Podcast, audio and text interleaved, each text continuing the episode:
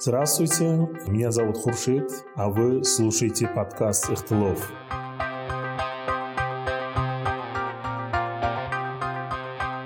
Сегодня со мной в этом эпизоде беседует Ойбек Исаков, председатель Ассоциации инвалидов Узбекистана.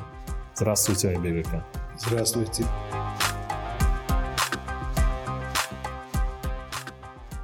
Моя должность председателя Ассоциации инвалидов Узбекистана. Для чего была создана ассоциация? Ассоциация инвалидов Узбекистана создана была в 2018 году по инициативе общественных объединений инвалидов. В то время в республике осуществляли свою деятельность более 80 ННО, которые работали с лицами с инвалидностью. Но каждый варился в своем соку. И вот представьте себе ситуацию хаким какой-то области. В этой области 20-30 ННО, к примеру, или 10 ННО. И каждый приходит к хакиму со своей проблемой. Обычно вот госчиновники говорили, ну нельзя ли объединить эти проблемы, потому что пришли, к примеру, общество слепых там или общество инвалидов, или общество там молодых женщин, лиц с инвалидностью, а проблемы иногда бывают одинаковые. Это была первая причина, чтобы объединить ННО. Первая причина была это вот объединить наше общее видение, наши общие проблемы. А у ННО обычно общие проблемы есть. Помимо того, что каждый ННО занимается отдельной категорией своих бенефициариев, есть еще общие проблемы. Это вот проблема с офисом, это проблема с налогами, это проблема, как донести свое видение до лиц, которые принимают решения и так далее. И вторая причина была объединение ННО, это то, что это конвенция о правах инвалидов. Потому что Одно дело, что одно ННО продвигает идею ратификации Конвенции о правах инвалидов, но это голос очень маленький. Поэтому мы решили, давайте объединимся, чтобы наш голос был громче, и чтобы мы смогли донести до властей, до руководства страны о необходимости ратификации Конвенции. А после ратификации Конвенции перед ННО также стоит задача составления альтернативных отчетов. И здесь это тоже нужно объединить. Если, допустим, женщины, лиц с инвалидностью занимаются женщинами, а там в конвенции есть специальная статья о правах женщин-инвалидов, то легче, конечно, чтобы это ИННО сделало свой отчет, альтернативный, именно касающийся этой статьи конвенции о правах женщин. А есть там, допустим, статья в конвенции о доступной физической среде.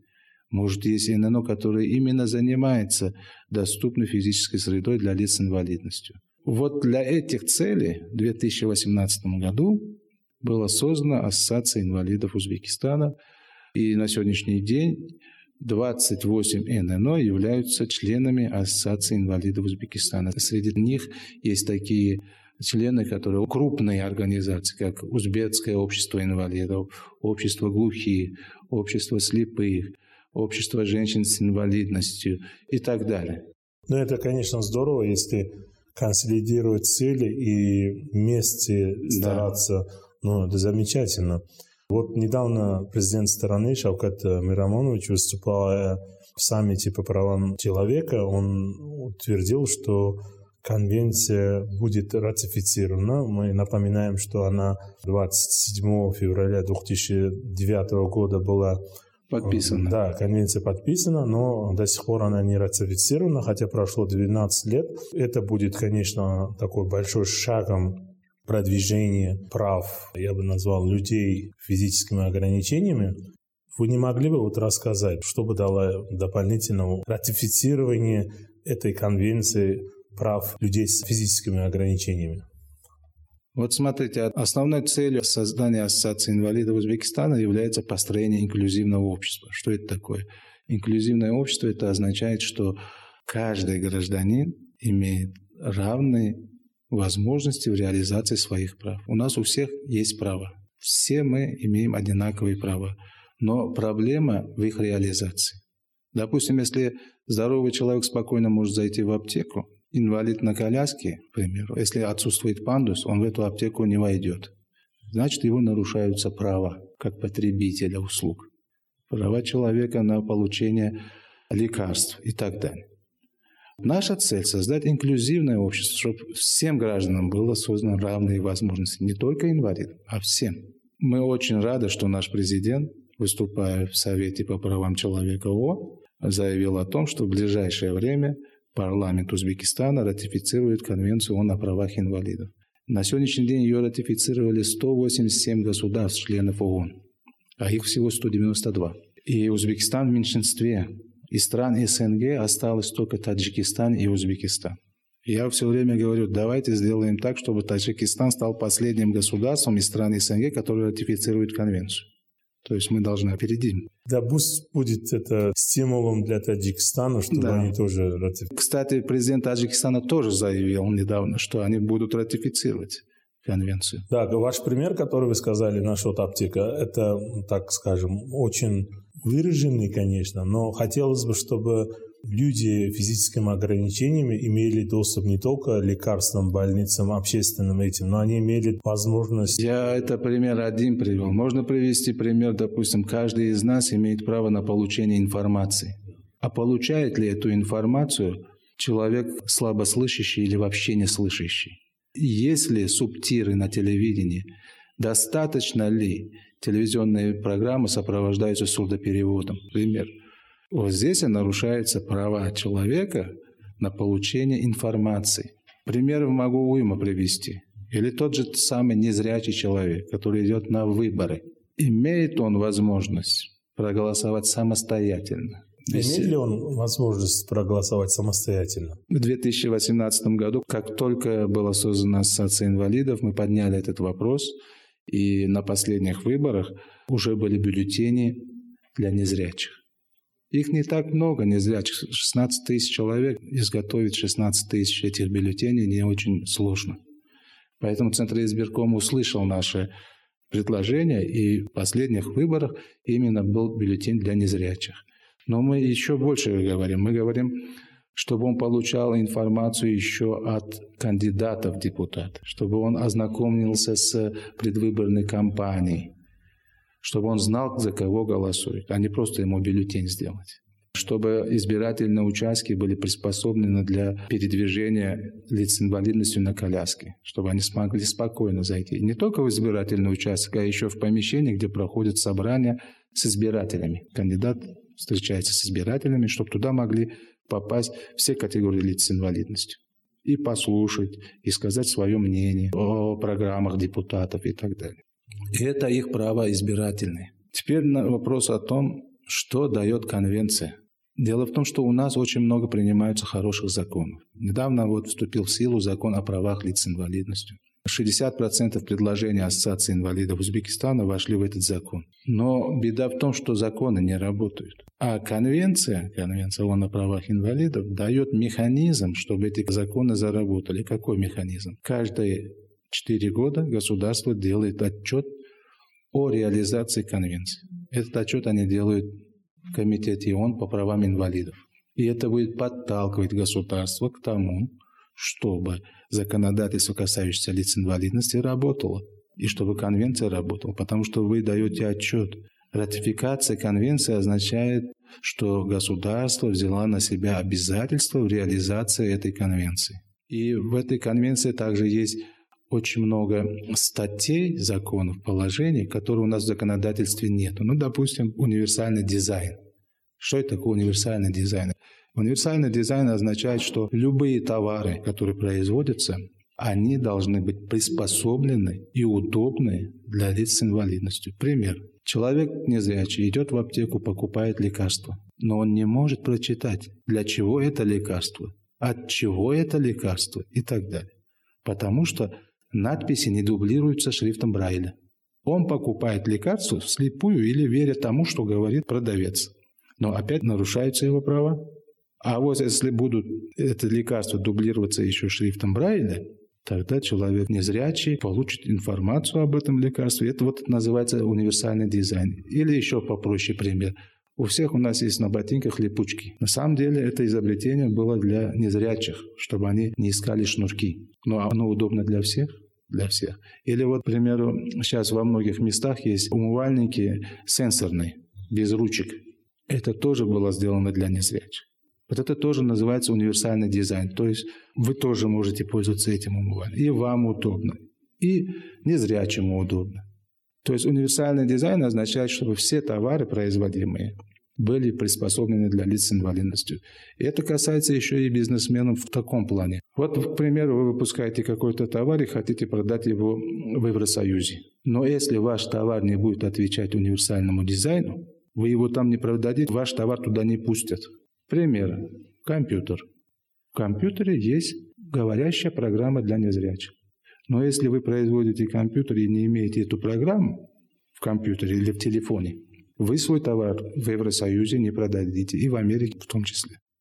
Ну да. Универсальный дизайн об этом говорит. Да, ну, допустим, вот очень было бы хорошо, конечно, аптеки, другие примеры, которые должны были соблюдаться, но хотелось бы, чтобы люди с инвалидностью, люди с физическими ограничениями имели доступ к тем вещам, которые обычный человек... Ну, они есть обычные люди, просто, допустим, кафе, ресторан. Есть закон в Евросоюзе, в Великобритании, я знаю, если посадочное место у них больше 20 человек, они по закону должны иметь туалет для инвалидов, который подразумевает собой двери шириной 110 сантиметров, помещение минимум 2,5-2 квадрата, чтобы можно было коляски заходить, самостоятельно сидеть, самостоятельно делать свои дела и самостоятельно... Обслужить себя. Обслужить себя, да. Что лучше работник этого заведения, хотя бы один или два из них, имеет какой-то сертификат, они проходили, то есть тренинги по оказанию помощи, если вдруг такая помощь будет необходима. И мы не будем говорить про общественный транспорт, э, когда, где каждый автобус будет иметь пандус, который отпускается. Но вы правильно говорили, вот у нас надо сделать пандусы, но пандусы сделали, по этим пандусам просто здоровый человек невозможно по ним подниматься. Вот вы привели пример западных стран, да? А у нас законодательство еще круче. У нас в законе говорится, что будет там инвалид, не будет, ты обязан создать доступную физическую среду, в том числе и в туалете. Это есть у нас закон. У нас есть. Другое дело, что это не работает. И этому закону 30 лет уже. 30 лет у нас эта статья. Я есть. не знал, что есть такой закон. Есть такой закон. А в 2008 году даже ввели санкции, то есть штрафы за неисполнение. Но все равно ничего не меняется. Я приведу пример. С 2018 года у нас запретили покупать автобусы, которые не приспособлены для лиц с инвалидностью. Даже если вы захотите купить такой автобус из-за рубежа, вы не сможете купить, потому что такого автобуса нет за рубежом. Там все автобусы приспособлены для лиц с инвалидностью. Хорошо, купили автобус, вот Мерседесы, они все приспособлены для лиц с инвалидностью. Но другое дело, там есть пандус, кстати. В средней двери там есть пандус. Но эти шофера никогда же сами не знают, что там есть пандус. И никогда его не открывают, видя, что человек с коляской стоит на остановке. Более того, в этих автобусах есть табло, на котором должно писаться «остановка» ближайшая. Но вместо этого там идет реклама. Это табло нужно для глухонемых. Они видят на табло остановку и ориентируются. Есть микрофон специальный, который должен озвучить остановки. Это для незрячих. И есть специальные кнопки красные. Это для колясочников, которые должны нажимать эту кнопку, и автобус должен останавливаться. Но все это, то, что есть, не используется. Это уже, наверное, надо работать с обществом через средства массовой информации. Вместо микрофона идут туда ставят музыку. Понимаете? А эти кнопки вообще отключили. Это балуются дети и так далее. То есть мы даже не используем то, что есть. Вот в чем беда. А конвенция будет заставлять это делать, потому что, еще раз говорю, вы будете сдавать отчет о проделанной работе по конвенции.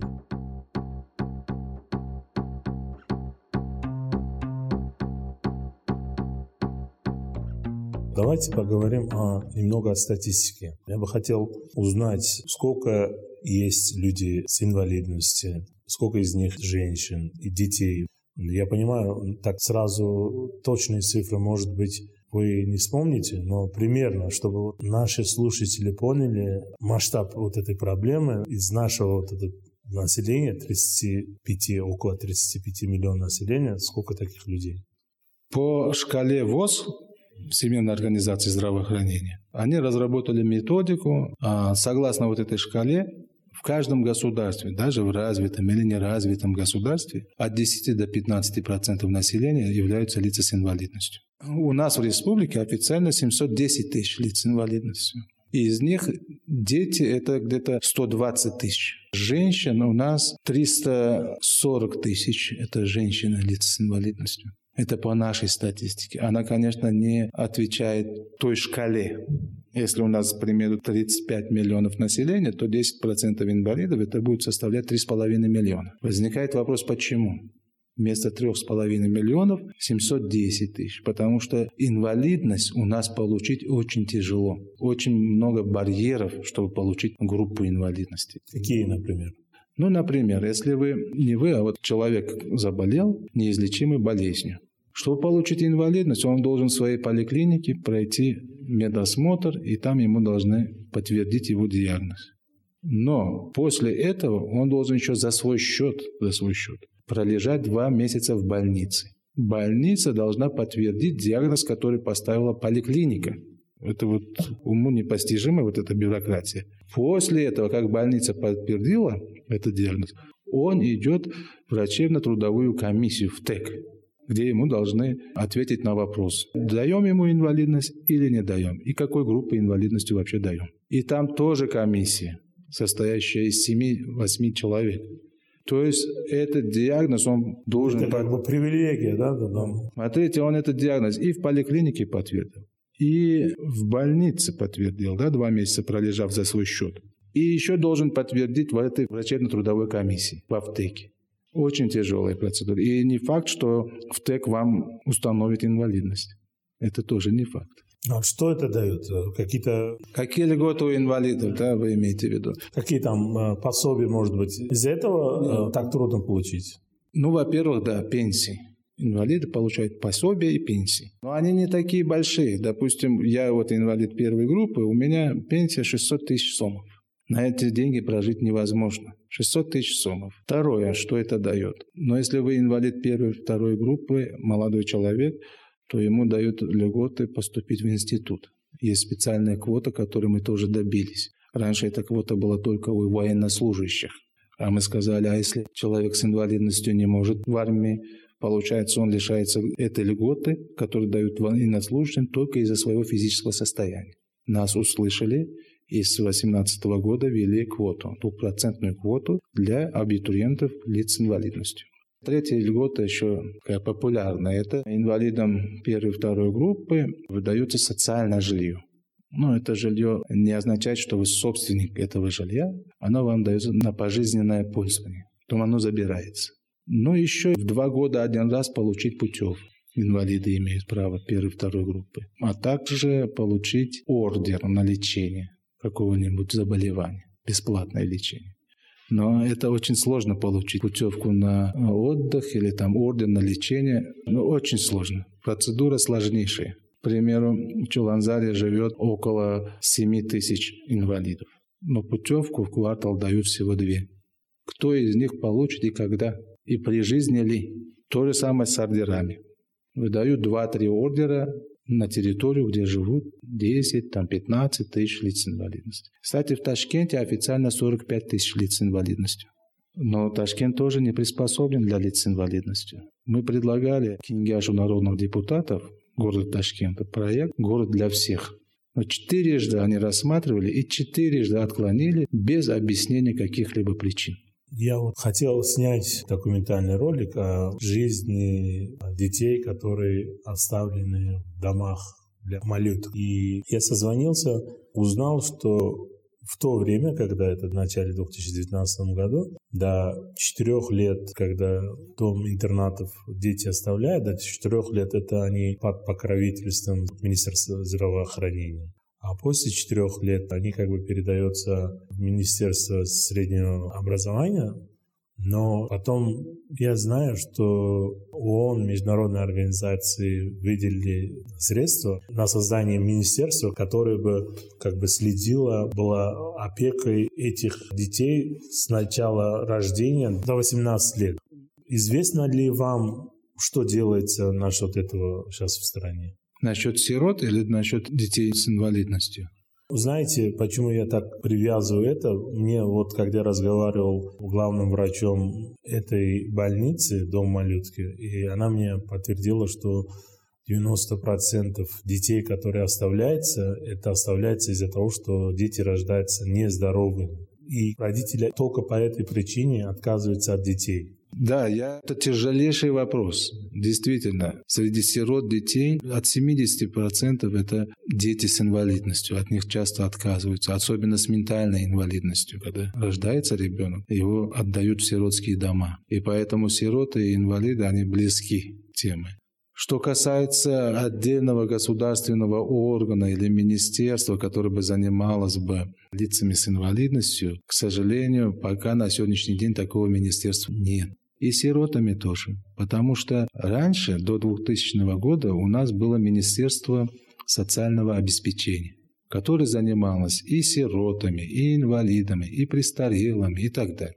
Потом эти вопросы почему-то передали Министерству труда. Потом из Министерства труда эти вопросы перекочевали. Часть вопросов Министерству финансов, Министерству экономики, Министерству здравоохранения. На сегодняшний день 7-8 министерств занимаются этими проблемами. Это означает, что никто не занимается. И вот мы просим, чтобы создали отдельное министерство, которое занималось бы этим. На сегодняшний день, вот, допустим, сирот взять, их образованием занимается Министерство образования. Жильем занимается Минздрав. Трудоустройством занимается Минтруд и так далее. Их пособие и пенсии выдает Минфин. То есть все разбросано. Ну, представьте себе, чтобы транспортом занималось 8 министерств, а не Министерство транспорта. Чтобы железнодорогой занимался Министерство здравоохранения. И поэтому это очень сложный вопрос, мы поэтому поднимаем. Он действительно разработал такой проект. На это выделено было 2 миллиона долларов. Но пока они тоже не могут добиться, чтобы было отдельное министерство. Это очень больной вопрос. Знаете, где-то года полтора назад я видел интервью, не совсем интервью, а так передачу, которая вышла в КУНУЗ, где где-то 50-60 детей, которые с инвалидностью, незрячие, которые занимаются музыкой, их выгоняет, потому что надо оплачивать. Надо оплачивать. Если вот так взять, если мы себя считаем страной, которая уважает себя и готов для своих детей делать элементарные условия, оплатить 50-60 детей, обучение, которое там стоит 50 тысяч в месяц, во-первых, это было, с одной стороны, смешно, с другой стороны, больно, да, вот это осознать это, то, что вот люди, да, для них это весь мир, это мир музыки. И они, занимаясь этим, они как бы находят себя, находят профессию. Этих детей де-факто но заставляют платить за обучение музыке. Нет, их не, не то, чтобы заставляют, а заставили бы, можно было собрать, их закрывали. Помните, мы как-то еще до этого давно, года, год назад встречали, и вот вы сами на конференции говорили, поднимали вопрос о закрытии два дома для детей с инвалидностью, но Министерство образования сказало, что мы это не закрыли, мы этих детей перевели в другую школу. Да, да, да, такая проблема была. Ну, сперва про первую проблему, про музыкальные школы. Действительно, вот что многие дети незрячие, они любят музыку, и в дальнейшей их жизни музыка играет огромную роль. Они могут даже зарабатывать на музыке. Но действительно проблема была в том, что они должны были платить музыкальной школе. К счастью, в прошлом году вынесли постановление и отменили этот порядок. Теперь им разрешается бесплатно посещать музыкальные школы и обучаться. Именно инвалидам незрячим.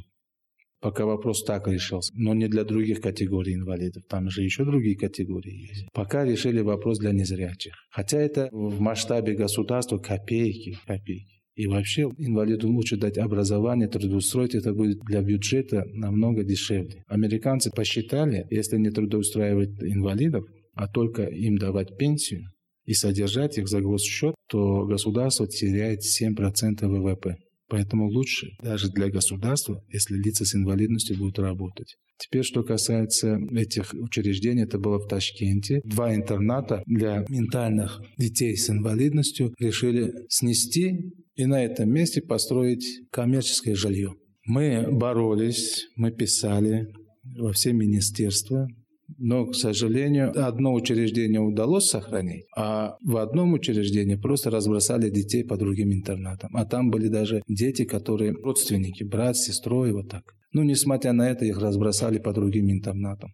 Именно в такие интернаты, которые не были приспособлены именно для этой категории детей. Это очень печальный случай. Но у нас в Ташкенте, видите, приоритет для коммерческого жилья, нежели учреждения для лиц с инвалидностью или престарелых. И спасибо президенту, он все время поднимает этот вопрос. Когда он посещает, вот недавно интернат он посетил и в Намангане, и в Ташкенте для престарелых. И он говорит, надо еще строить такие, еще лучше построить. Но Хаким, наш город Ташкент, новое мнение. Для него лучше снести интернат и построить там многоэтажку коммерческую. Если этот интернат место, так скажем, находится на престижном месте, да. почему бы не построить где-нибудь сначала сам интернат лучше, лучшими условиями, лучшими возможностями для работающего персонала, для детей с инвалидностью, переселить их и потом делать бизнес а не таким образом. Конечно, это...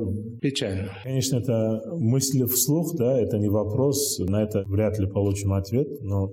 Мы-то и предлагали, чтобы прежде чем снести, постройте, но дело в том, как вы правильно говорите, эти интернаты находились именно на входовых точках, престижных, потому что в советское время интернаты строились именно в центре города, чтобы транспортная развязка была, чтобы родителям было удобно посещать.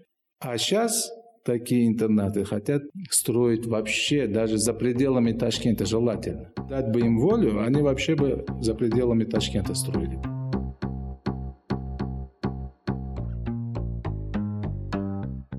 Абегака, давайте поговорим о понятии инклюзивности вообще, потому что для многих людей в нашем обществе, да, надо подчеркнуть, это, так скажем, очень важно донести, чтобы люди, дети, люди с инвалидностью были среди нас, чтобы дети учились, росли и видели, что есть другие такие же дети, но, может быть, физически, которые отличаются от них. И они воспринимали таких людей, таких детей из раннего возраста, как естественно. Это очень важно. Вот э, я бы попросил ваше мнение насчет инклюзивности.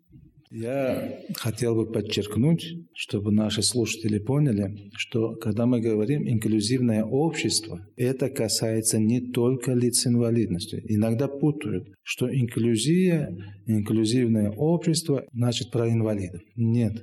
Я один пример приведу чтобы было понятно. Вот два студента.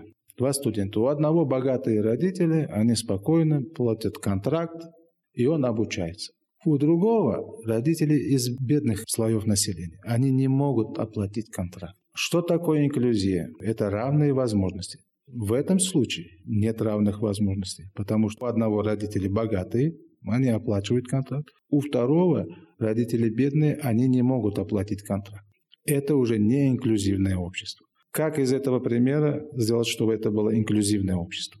Вот второму, у которого нет денег на оплату контракта, государство выделяет кредит с условием, что он этот кредит будет оплачивать не во время учебы, а после окончания.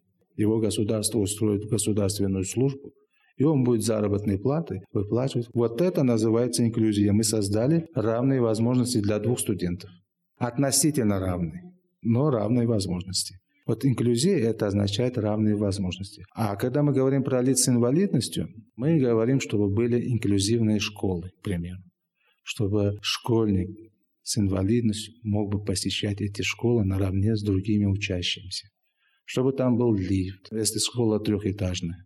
Чтобы он смог заезжать на коляске в любой класс, тот же самый туалет, умывальник и так далее.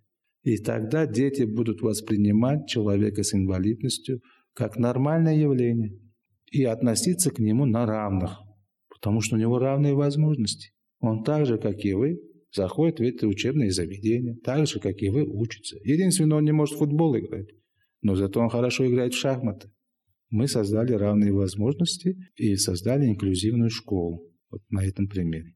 Инклюзия очень важна вообще для общества. Мы становимся более человечными. Мы начинаем относиться друг к другу с уважением и как к равноправным гражданам. А вот когда нет инклюзии, синоним инклюзии – это эксклюзивность. Это когда для одного человека создаются какие-то возможности.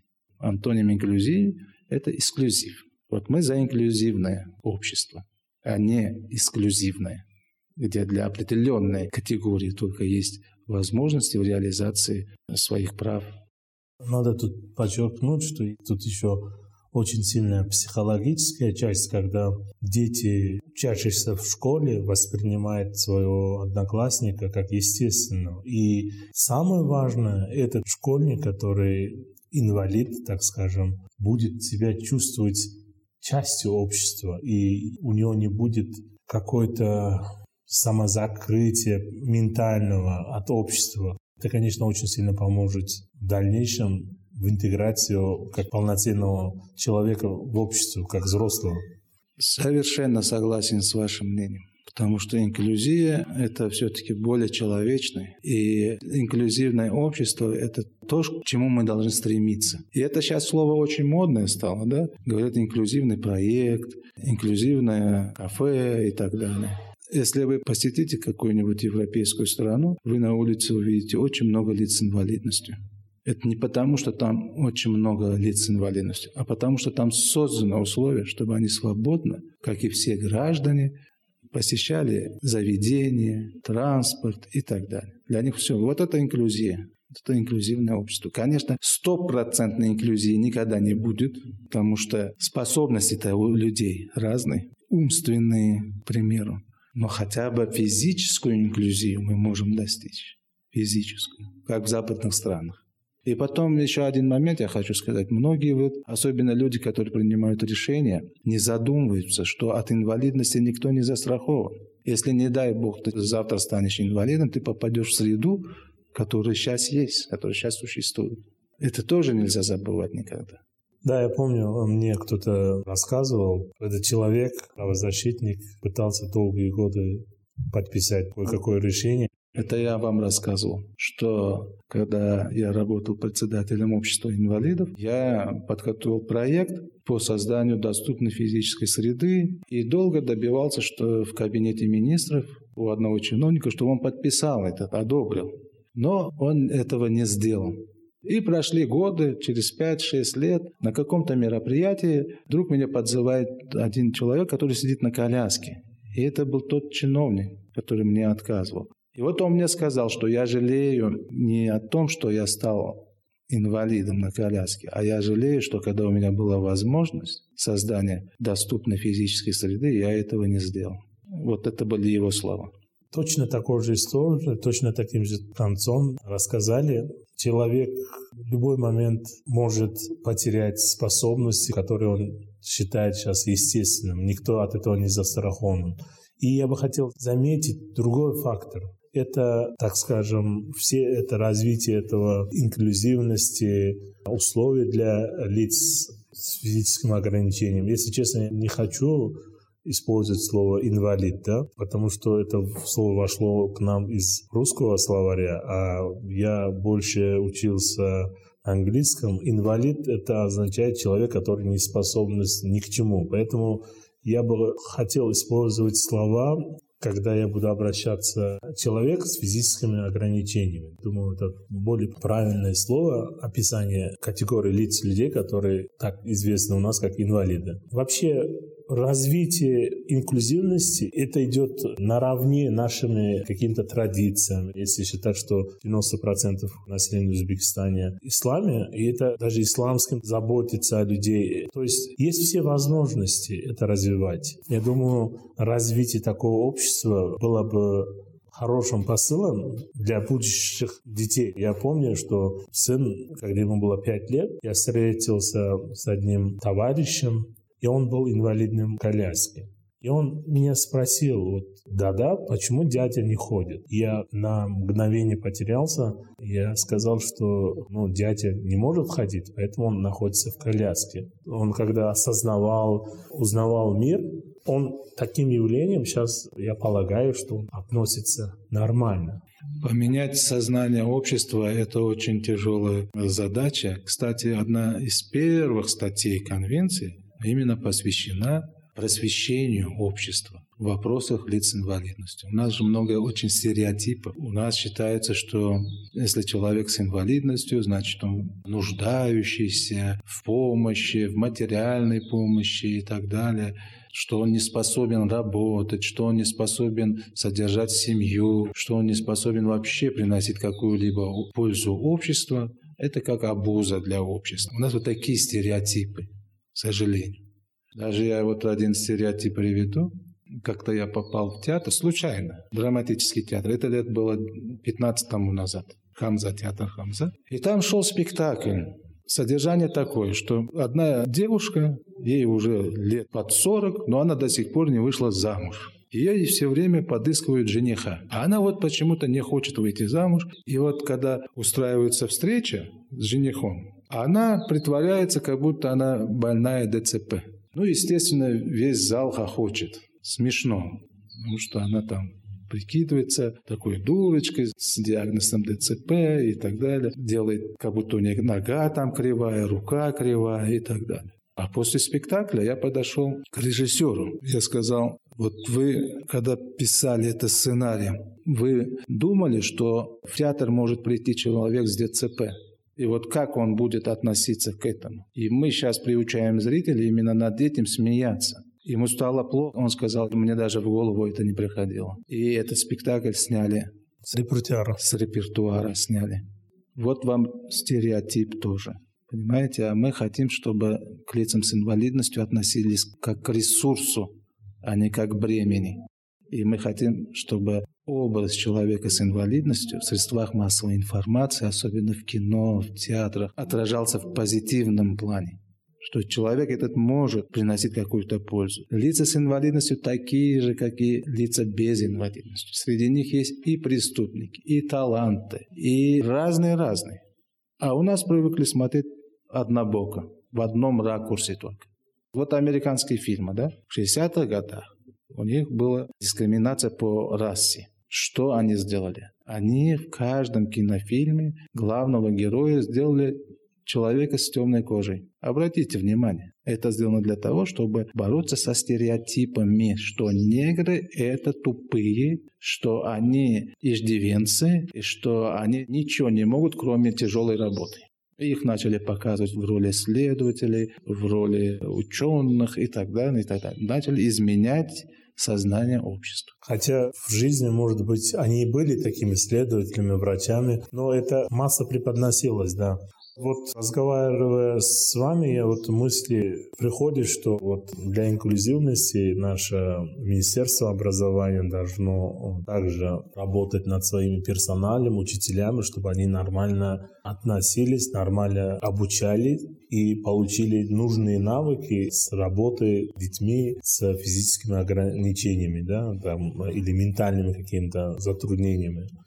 Также я бы хотел подчеркнуть, что даже наши правоохранительные органы, они должны на законодательном уровне должны разработать так называемые коды.